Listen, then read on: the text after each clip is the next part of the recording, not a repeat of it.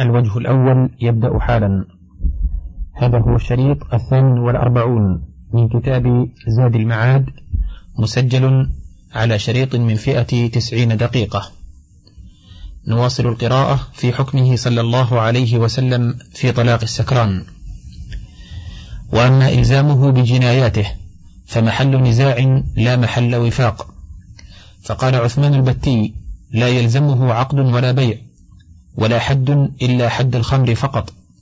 وهذا إحدى الروايتين عن أحمد أنه كالمجنون في كل فعل يعتبر له العقل. والذين اعتبروا أفعاله دون أقواله فرقوا بفرقين.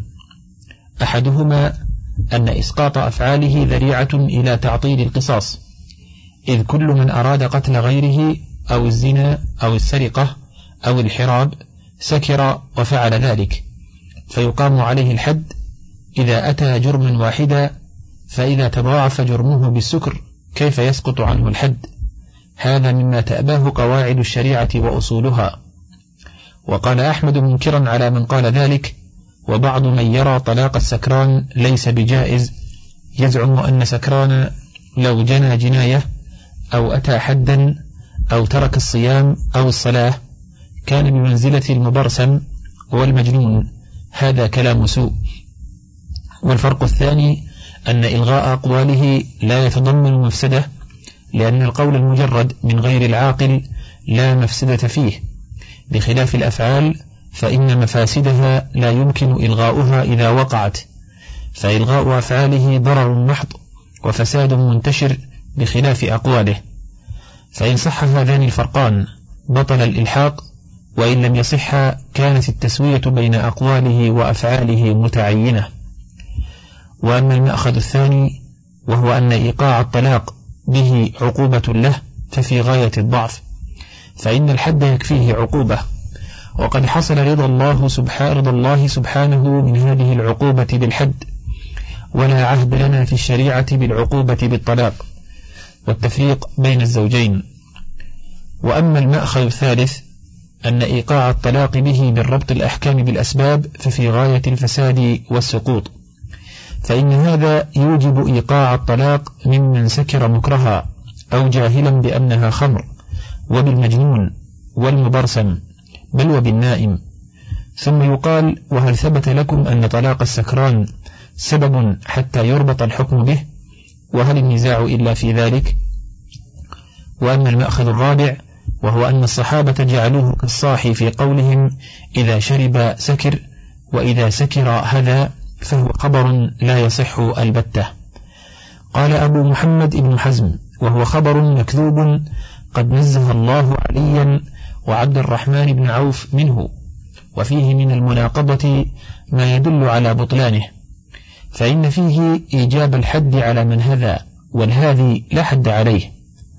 وأما المأخذ الخامس وهو حديث لا قيلولة في الطلاق فخبر لا يصح ولو صح لوجب حمله على طلاق مكلف يعقل دون من لا يعقل.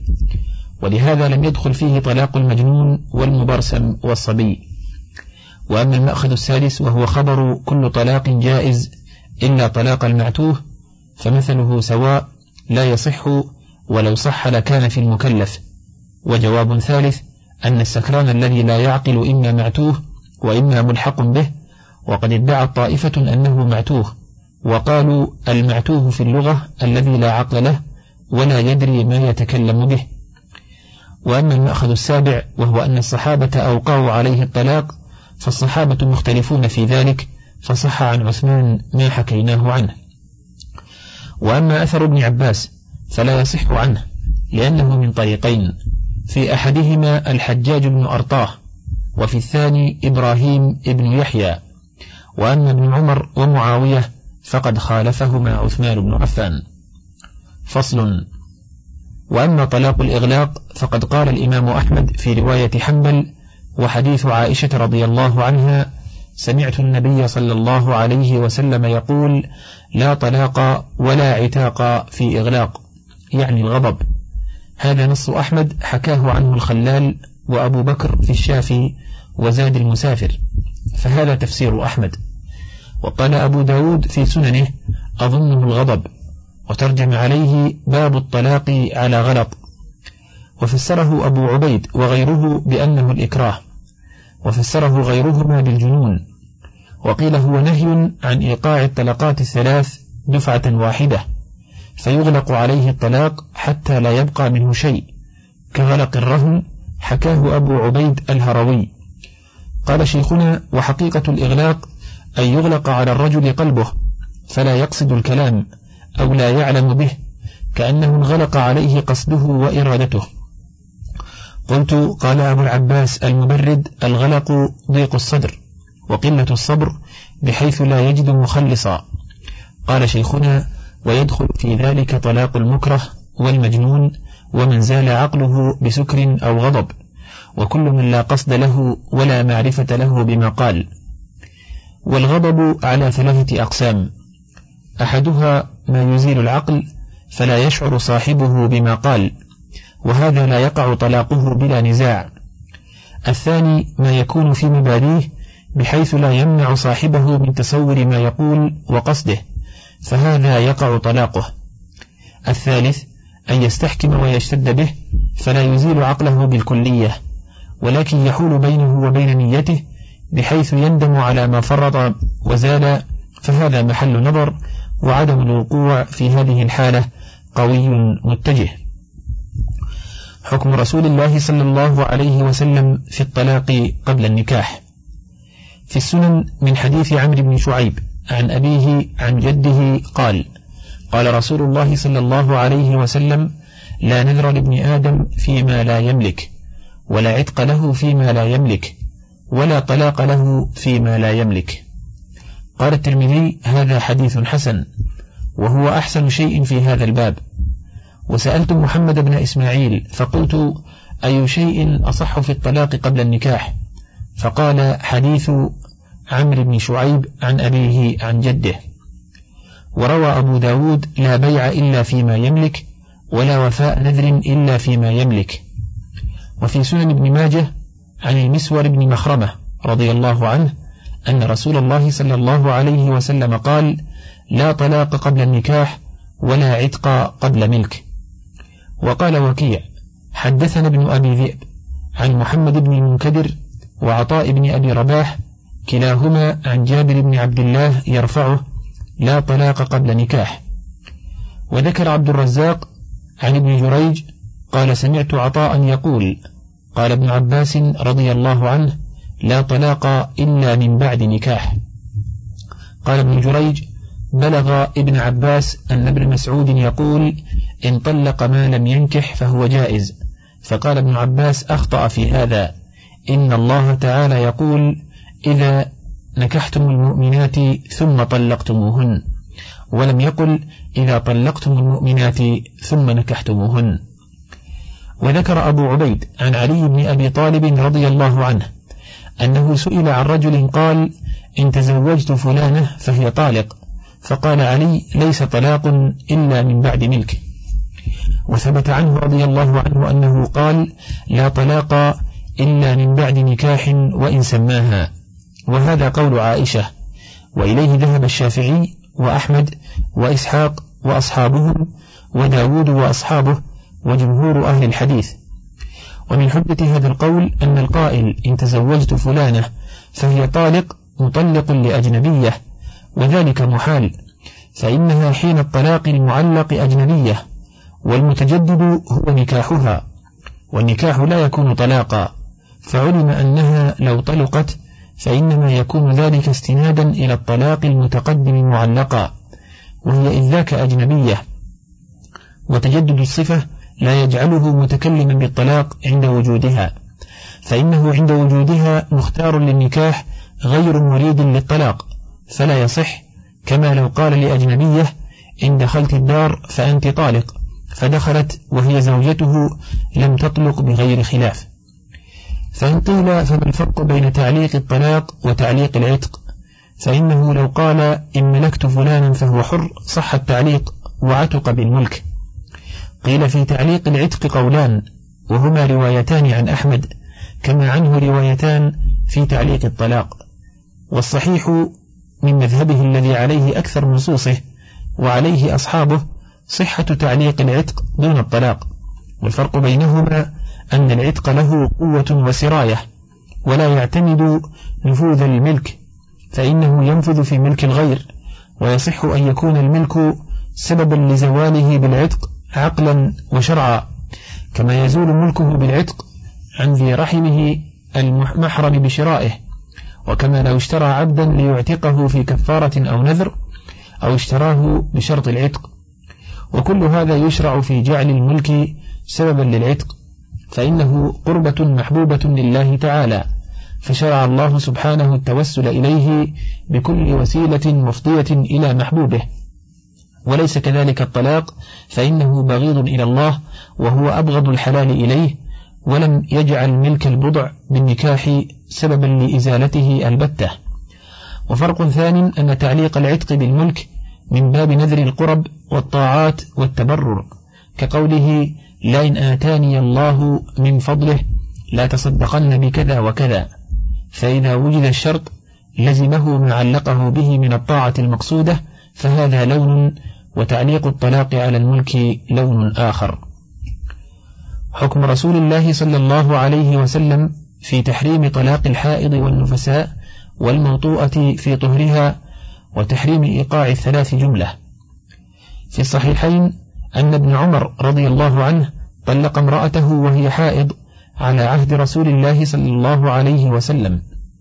فسأل عمر بن الخطاب رضي الله عنه عن ذلك رسول الله صلى الله عليه وسلم فقال مره فليراجعها ثم ليمسكها حتى تطهر ثم تحيض ثم تطهر ثم إن شاء أمسك بعد ذلك وإن شاء يطلق قبل أن يمس.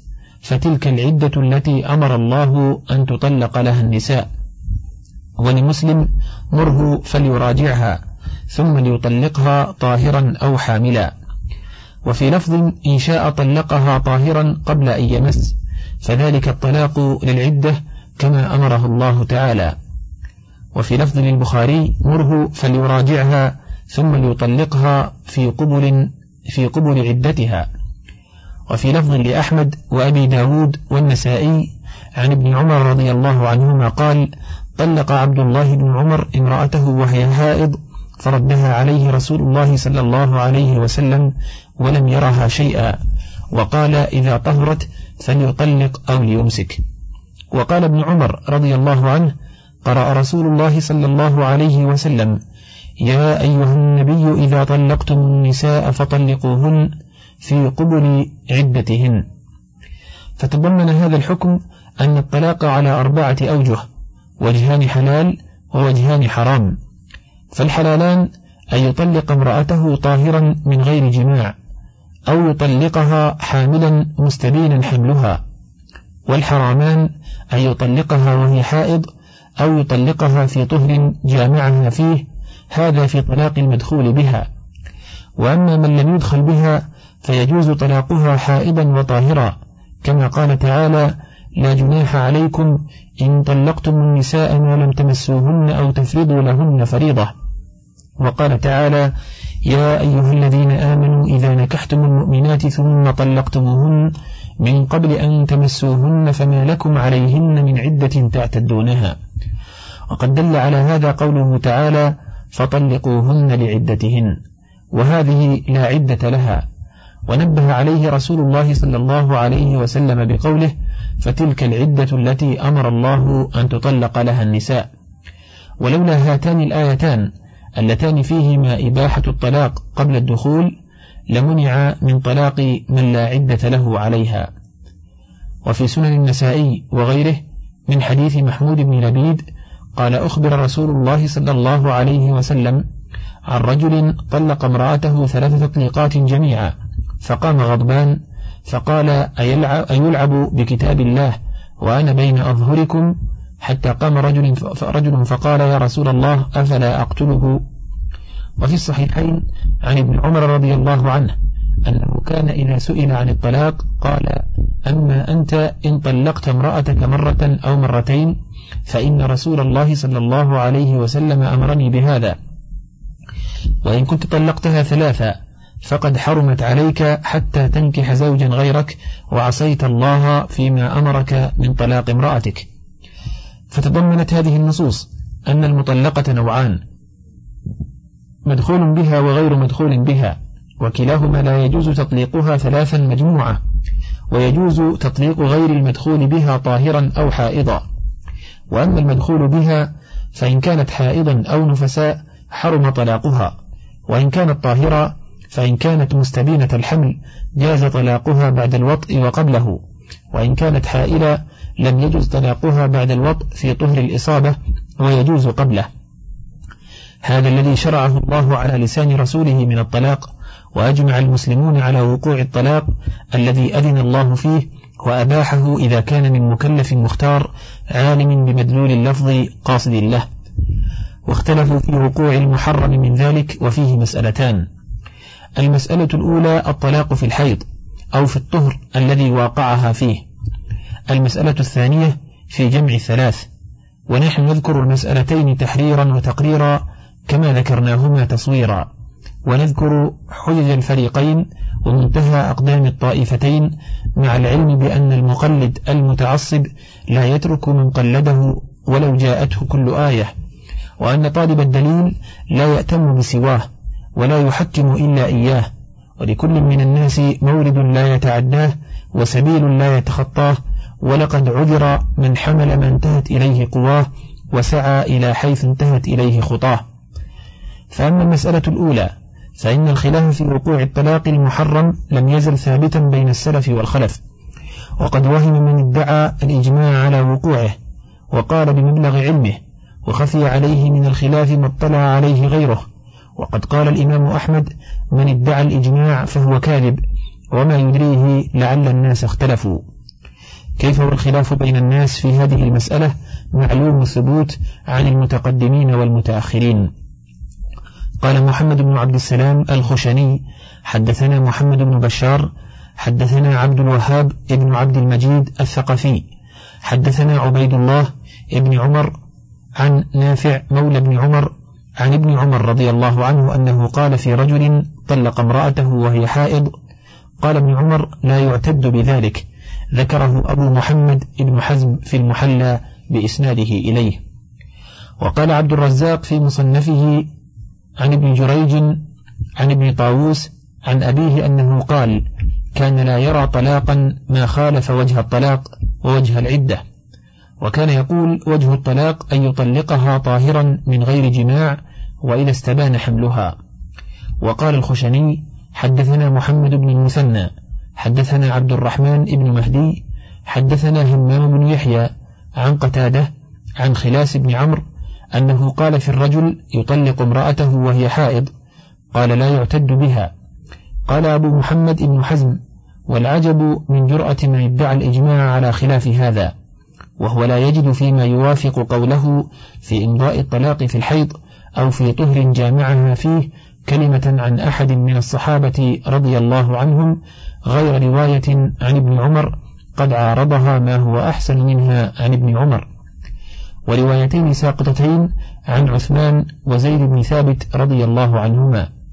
إحداهما رويناها من طريق ابن وهب عن ابن سمعان عن رجل أخبره أن عثمان بن عفان رضي الله عنه كان يقضي في المرأة التي يطلقها زوجها وهي حائض أنها لا تعتد بحيضتها تلك وتعتد بعدها بثلاثة قروء. قلت وابن سمعان هو عبد الله بن زياد بن سمعان الكذاب وقد رواه عن مجهول لا يعرف.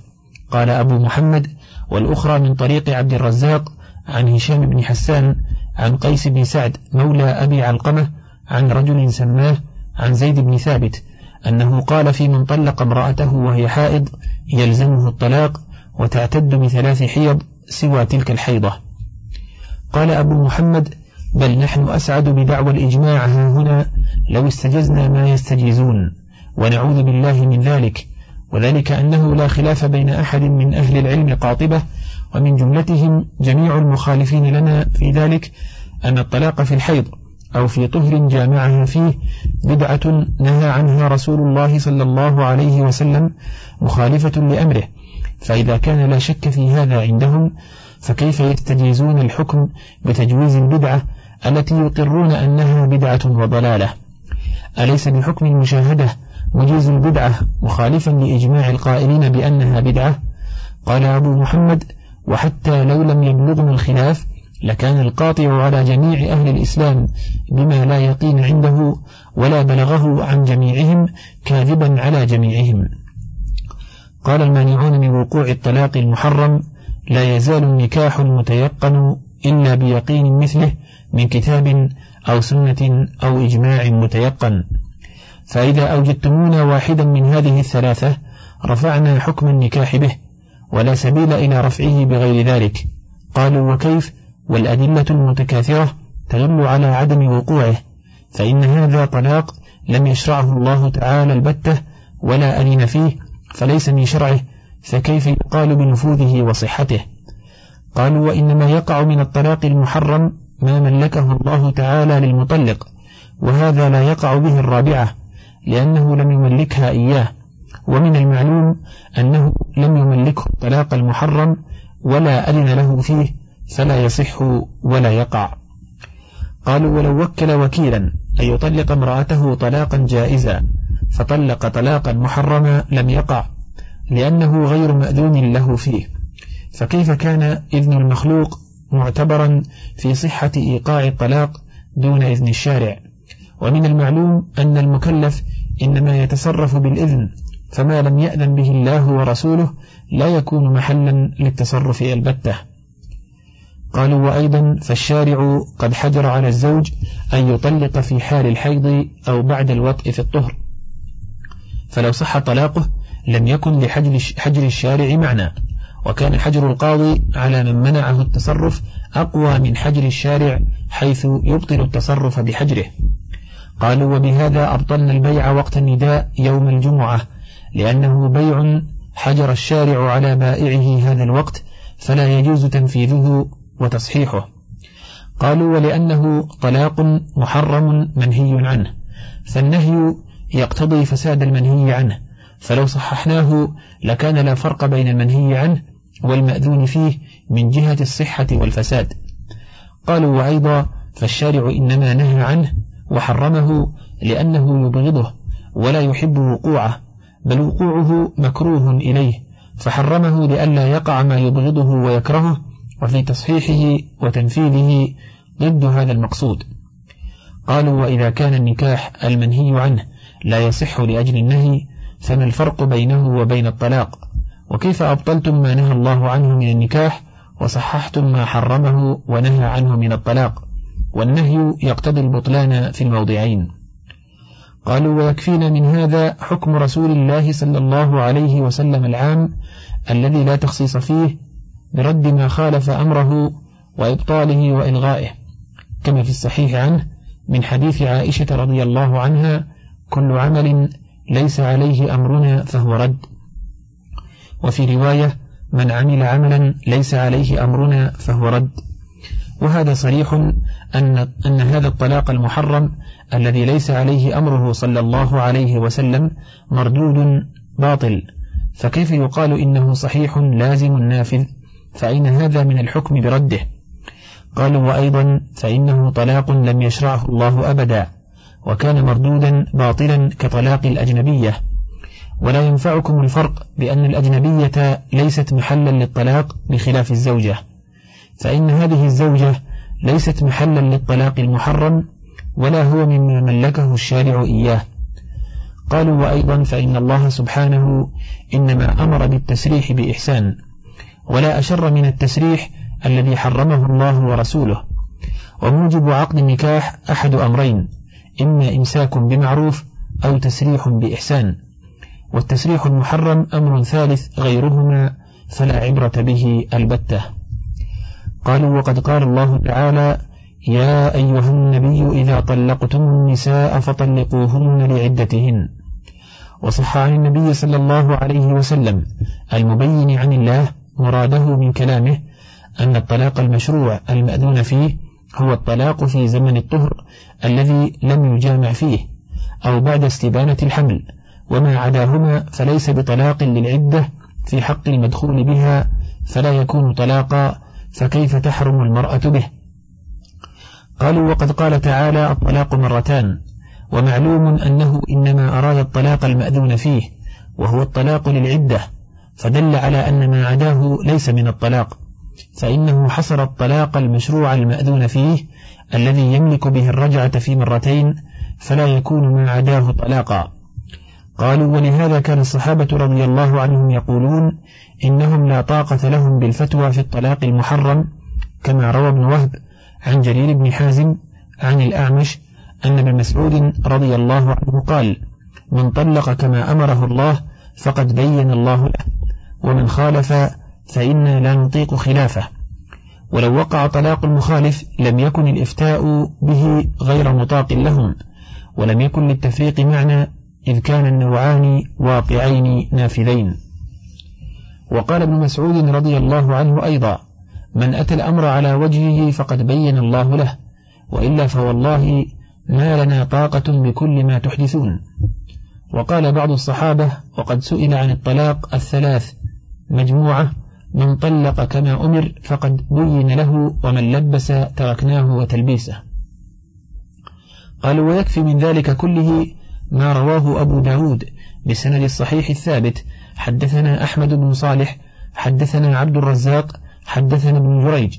قال أخبرني أبو الزبير أنه سمع عبد الرحمن ابن أيمن مولى عروة يسأله ابن, ابن, عمر قال أبو الزبير وأنا أسمع. كيف ترى في رجل طلق امرأته حائضا؟ فقال طلق ابن عمر امرأته حائضا على عهد رسول الله صلى الله عليه وسلم. فسأل عمر عن ذلك رسول الله صلى الله عليه وسلم فقال إن عبد الله ابن عمر طلق امرأته وهي حائض. قال عبد الله فردها علي ولم يرها شيئا. وقال إذا طهرت فليطلق أو ليمسك. قال ابن عمر وقرأ رسول الله صلى الله عليه وسلم يا أيها النبي إذا طلقتم النساء فطلقوهن في قبل عدتهن. قالوا وهذا إسناد في غاية الصحة فإن أبا الزبير غير مدفوع عن الحفظ والثقة وإنما يخشى من تدليسه فإذا قال سمعت أو حدثني زال محذور التدليس وزالت العلة المتوهمة وأكثر أهل الحديث يحتجون به. إذا قال عن ولم يصرح بالسماع ومسلم يصحح ذلك من حديثه فأما إذا صرح بالسماع فقد زال الإشكال وصح الحديث وقامت الحجة. قالوا ولا نعلم في خبر أبي الزبير هذا ما يوجب رده وإنما رده من رده استبعادا واعتقادا أنه خلاف الأحاديث الصحيحة. ونحن نحكي كلام من رده ونبين أنه ليس فيه ما يوجب الرد. قال أبو داود والأحاديث كلها على خلاف ما قال أبو الزبير. وقال الشافعي ونافع أثبت عن ابن عمر من أبي الزبير. والأثبت من الحديثين أولى أن يقال به إذا خالفه. وقال الخطابي حديث يونس ابن جبير أثبت من هذا يعني قوله مره فليراجعها. وقوله أرأيت إن عجز واستحمق؟ قال فمه. قال ابن عبد البر وهذا لم ينقله عنه أحد غير أبي الزبير وقد رواه عنه جماعة أجلة فلم يقل ذلك أحد منهم وأبو الزبير ليس بحجة فيما خالفه فيه مثله فكيف بخلاف من هو أثبت منه؟ وقال بعض أهل الحديث لم يروي أبو الزبير حديثا أنكر من هذا فهذا جملة ما رد به خبر أبي الزبير وهو عند التأمل لا يوجب رده ولا بطلانه. أما قول أبي داود الأحاديث كلها على خلافه فليس بأيديكم سوى تقليد أبي داود وأنتم لا ترضون ذلك وتزعمون أن الحجة من جانبكم فدعوا التقليد وأخبرونا أين في هذه الأحاديث الصحيحة ما يخالف حديث أبي الزبير. فهل فيها حديث واحد أن رسول الله صلى الله عليه وسلم احتسب عليه تلك الطلقة وأمره أن يعتد بها فإن كان ذلك فنعم والله هذا خلاف صريح لحديث أبي الزبير. ولا تجدون إلى ذلك سبيلا. وغاية ما بأيديكم فليراجعها. والرجعة تستلزم وقوع الطلاق. وقول ابن عمر وقد سئل تعتد بتلك التطليقة فقال أرأيت إن عجز أو استحمق واستحمق؟ وقول نافع أو من دونه فحسبت من طلاقها وليس وراء ذلك حرف واحد يدل على وقوعها والاعتداد بها ولا ريب في صحة هذه الألفاظ ولا مطعن فيها وإنما الشأن كل الشأن في معارضتها لقوله فردها علي ولم يرها شيئا. وتقديمها عليه ومعارضتها لتلك الأدلة المتقدمة التي سقناها وعند الموازنة يظهر التفاوت وعدم المقاومة ونحن نذكر ما في كلمة كلمة منها. أما قوله مره فليراجعها. فالمراجعة قد وقعت في كلام الله ورسوله على ثلاث معان. أحدها ابتداء النكاح كقوله تعالى فإن طلقها فلا جناح عليهما أن يتراجعا إن ظن أن يقيما حدود الله. ولا خلاف بين أحد من أهل العلم بالقرآن أن المطلق ها هنا هو الزوج الثاني وأن التراجع بينها وبين الزوج الأول وذلك نكاح مبتدأ. وثانيهما الرد الحسي إلى الحالة التي كان عليها أولا كقوله لأبي النعمان ابن بشير لما نحل ابنه غلاما خصه به دون ولده رده. فهذا رد ما لم تصح فيه الهبة الجائزة التي سماها رسول الله صلى الله عليه وسلم جورا. وأخبر أنها لا تصلح وأنها خلاف العدل كما سيأتي تقريره إن شاء الله تعالى. ومن هذا قوله لمن فرق بين جارية وولدها في البيع فنهاه عن ذلك ورد البيع وليس هذا الرد مستلزما لصحة البيع. فإنه بيع باطل بل هو رد شيئين إلى حالة اجتماعهما كما كان. وهكذا الأمر بمراجعة ابن عمر امرأته ارتجاع ورد إلى حالة الاجتماع كما كان قبل الطلاق وليس في ذلك ما يقتضي وقوع الطلاق في الحيض البتة. وأما قوله أرأيت إن عجز واستحمق فيا سبحان الله أين البيان في هذا اللفظ بأن تلك الطلقة حسبها عليه رسول الله صلى الله عليه وسلم؟ والأحكام لا تؤخذ بمثل هذا ولو كان رسول الله صلى الله عليه وسلم قد حسبها عليه واعتد عليه بها لم يعدل عن الجواب بفعله وشرعه إلى أرأيت؟ وكان ابن عمر أكره ما إليه أرأيت فكيف يعدل للسائل عن صريح السنة إلى لفظ أرأيت؟ الدالة على نوع من الرأي سببه عجز المطلق وحمقه عن إيقاع الطلاق على الوجه الذي أذن الله له فيه. والأظهر فيما هذه صفته أنه لا يعتد به وأنه ساقط من فعل فاعله لأنه ليس في دين الله تعالى حكم نافذ سببه العجز والحمق عن امتثال الأمر. إلا أن يكون فعلا لا يمكن رده بخلاف العقود المحرمة التي من عقدها على الوجه المحرم فقد عجز واستحمق وحينئذ فيقال هذا أدل على الرد منه على الصحة واللزوم. فإنه عقد عاجز أحمق على خلاف أمر الله ورسوله فيكون مردودا باطلا. فهذا الرأي والقياس أدل على بطلان طلاق من عجز واستحمق منه على صحته واعتباره. وأما قوله فحسبت من طلاقها ففعل مبني لما لم يسمى فاعله. فإذا سمي فاعله ظهر وتبين هل في حسبانه حجة أو لا. وليس في حسبان الفاعل المجهول دليل البتة وسواء كان القائل فحسبت ابن عمر أو نافعا أو من دونه وليس فيه بيان أن رسول الله صلى الله عليه وسلم هو الذي حسب حسبها حتى تلزم الحجة به وتحرم مخالفته. فقد تبين أن سائر الأحاديث لا تخالف حديث أبي الزبير وأنه صريح في أن رسول الله صلى الله عليه وسلم لم يرها شيئا. وسائر الأحاديث مجملة لا بيان فيها. قال الموقعون لقد ارتقيتم أيها المانعون مرتقا صعبا وأبطلتم أكثر طلاق المطلقين فإن غالبه طلاق بدعي وجاهرتم بخلاف الآئمة ولم تتحاشوا خلاف الجمهور وشذذتم بهذا القول الذي أفتى جمهور الصحابة ومن بعدهم بخلافه والقرآن والسنن تدل على بطلانه. قال تعالى فإن طلقها فلا تحل له من بعد حتى تنكح زوجا غيره وهذا يعم كل طلاق. وكذلك قوله والمطلقات يتربصن بأنفسهن ثلاثة قروء ولم يفرق. وكذلك قوله تعالى الطلاق مرتان. وقوله وللمطلقات متاع.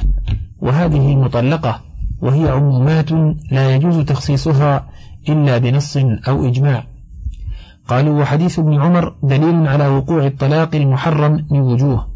أحدها الأمر بالمراجعة وهي لم شعث النكاح وإنما شعثه وقوع الطلاق. الثاني قول ابن عمر فراجعتها وحسبت لها التطليقة التي طلقها. وكيف يظن بابن عمر أنه يخالف رسول الله صلى الله عليه وسلم فيحسبها من طلاقها ورسول الله صلى الله عليه وسلم لم يرها شيئا. الثالث قول ابن عمر لما قيل له أيحتسب بتلك التطليقة؟ قال أرأيت إن عجز واستحمق؟ أي عجزه وحمقه لا يكون عذرا له في عدم احتسابه بها. الرابع أن ابن عمر قال وما يمنعني أن أعتد بها وهذا إنكار منه لعدم الاعتداد بها وهذا يبطل تلك اللفظة التي رواها عنه أبو الزبير إذ كيف يقول ابن عمر وما يمنعني أن أعتد بها وهو يرى رسول الله صلى الله عليه وسلم قد ردها عليه ولم يرها شيئا. الخامس أن مذهب ابن عمر الاعتداد بالطلاق في الحيض وهو صاحب القصة وأعلم الناس بها وأشدهم اتباعا للسنن وتحرجا من مخالفتها. قالوا وقد روى ابن وهب في جامعه حدثنا ابن أبي ذئب أن نافعا أخبرهم عن ابن عمر أنه طلق امرأته وهي حائض فسأل عمر رسول الله صلى الله عليه وسلم عن ذلك فقال مره فليراجعها ثم ليمسكها حتى تطهر ثم تحيض ثم تطهر ثم إن شاء أمسك بعد ذلك وإن شاء طلق قبل أن يمس. فتلك العدة التي أمر الله أن تطلق لها النساء وهي واحدة. هذا لفظ حديثه. قالوا وروى عبد الرزاق عن ابن جريج قال أرسلنا إلى نافع وهو يترجل في دار الندوة ذاهبا إلى المدينة ونحن مع عطاء هل حسبت تطليقة عبد الله بن عمر امرأته حائضا على عهد رسول الله صلى الله عليه وسلم؟ قال نعم. قالوا وروى حماد بن زيد عن عبد العزيز بن صهيب عن أنس رضي الله عنه قال قال رسول الله صلى الله عليه وسلم من طلق في بدعة ألزمناه بدعته. رواه عبد الباقي بن قانع عن زكريا الساجي حدثنا إسماعيل بن أمية الذارع حدثنا حماد فذكره. قالوا وقد تقدم مذهب عثمان بن عفان وزيد بن ثابت في فتواهما للوقوع. قالوا وتحريمه لا يمنع ترتب أثره. وحكمه عليه كالظهار فإنه منكر من القول وزور وهو محرم بلا شك وترتب أثره عليه وهو تحريم الزوجة إلى أن يكفر. فهكذا الطلاق البدعي محرم ويترتب عليه أثره إلى أن يراجع ولا فرق بينهما. قالوا وهذا ابن عمر يقول للمطلق ثلاثة حرمت عليك حتى تنكح زوجا غيرك وعصيت ربك فيما أمرك به من طلاق امرأتك فأوقع عليه الطلاق الذي عصى به المطلق ربه عز وجل. قالوا وكذلك القذف محرم وترتب عليه أثره من الحد ورد الشهادة وغيرهما. قالوا والفرق بين النكاح المحرم والطلاق المحرم أن النكاح عقد يتضمن حل الزوجة وملك بضعها فلا يكون إلا على الوجه المأذون فيه شرعا. فإن الأبضاع في الأصل على التحريم ولا يباح منها إلا ما أباحه الشارع بخلاف الطلاق فإنه إسقاط لحقه وإزالة لملكه وذلك لا يتوقف على كون السبب المزيل مأذونا فيه شرعا كما يزول ملكه عن العين بالإتلاف المحرم وبالإقرار الكاذب وبالتبرع المحرم كهبتها لمن يعلم أنه يستعين بها على المعاصي والآثام. قالوا والإيمان أصل العقود وأجلها وأشرفها. يزول بالكلام المحرم إذا كان كفرا. فكيف لا يزول عقد النكاح بالطلاق المحرم الذي وضع لإزالته؟ قالوا ولو لم يكن معنا في المسألة إلا طلاق الهازل فإنه يقع مع تحريمه لأنه لا يحل له الهزل بآيات الله. وقد قال النبي صلى الله عليه وسلم ما بال أقوام يتخذون آيات الله هزوا طلقتك راجعتك طلقتك راجعتك فإذا وقع طلاق الهازل مع تحريمه فطلاق الجاد أولى أن يقع مع تحريمه. قالوا وفرق آخر بين النكاح المحرم والطلاق المحرم أن النكاح نعمة فلا تستباح بالمحرمات وإزالته وخروج البضع عن ملكه نقمة فيجوز أن يكون سببها محرما. قالوا وأيضا فإن الفروج يحتاط لها والاحتياط يقتضي وقوع الطلاق وتجديد الرجعة والعقد. قالوا وقد عهدنا النكاح لا يدخل فيه إلا بالتشديد والتأكيد من الإيجاب والقبول والولي والشاهدين ورضا الزوجة المعتبر رضاها ويخرج منه بأيسر شيء فلا يحتاج إلى الخروج منه إلى شيء من ذلك بل يدخل فيه بعزيمة ويخرج منه بالشبهة فأين أحدهما من الآخر حتى يقاس عليه؟ قالوا ولو لم يكن بأيدينا إلا قول حملة الشرع كلهم قديما وحديثا طلق امرأته وهي حائض والطلاق نوعان طلاق سنة وطلاق بدعة. وقول ابن عباس رضي الله عنه الطلاق على أربعة أوجه وجهان حلال ووجهان حرام. فهذا الإطلاق والتقديم دليل على أنه عندهم طلاق حقيقة وشمول اسم الطلاق له كشموله للطلاق الحلال. ولو كان لفظا مجردا لغوا لم يكن له حقيقة ولا قيل طلق امرأته فإن هذا اللفظ إذا كان لغوا كان وجوده كعدمه ومثل هذا لا يقال فيه طلق ولا يقسم الطلاق وهو غير واقع إليه وإلى الواقع فإن الألفاظ اللاغية التي ليس لها معان ثابتة لا تكون هي ومعانيها قسما من الحقيقة الثابتة لفظا. فهذا أقصى ما تمسك به الموقعون وربما ادعى بعضهم الإجماع لعدم علمه بالنزاع. قال المانعون من الوقوع الكلام معكم في ثلاث مقامات بها يستبين الحق في المسألة. المقام الأول بطلان ما زعمتم من الإجماع وأنه لا سبيل لكم إلى إثباته البتة بل العلم بانتفائه معلوم. المقام الثاني أن فتوى الجمهور بالقول لا يدل على صحته وقول الجمهور ليس بحجة. المقام الثالث أن الطلاق المحرم لا يدخل تحت نصوص الطلاق المطلقة التي رتب الشارع عليها أحكام الطلاق. فإن ثبتت لنا هذه المقامات الثلاث كنا أسعد بالصواب منكم في المسألة. فنقول أما المقام الأول فقد تقدم من حكاية النزاع ما يعلم معه بطلان دعوى الإجماع. كيف ولو لم يعلم ذلك لم يكن لكم سبيل إلى إثبات الإجماع الذي تقوم به الحجة وتنقطع معه المعذرة وتحرم معه المخالفة فإن الإجماع الذي يوجب ذلك هو الإجماع القطعي المعلوم. وأما المقام الثاني وهو أن الجمهور على هذا القول فأوجلونا من في الأدلة الشرعية أن قول الجمهور حجة مضافة إلى كتاب الله وسنة رسوله وإجماع أمته.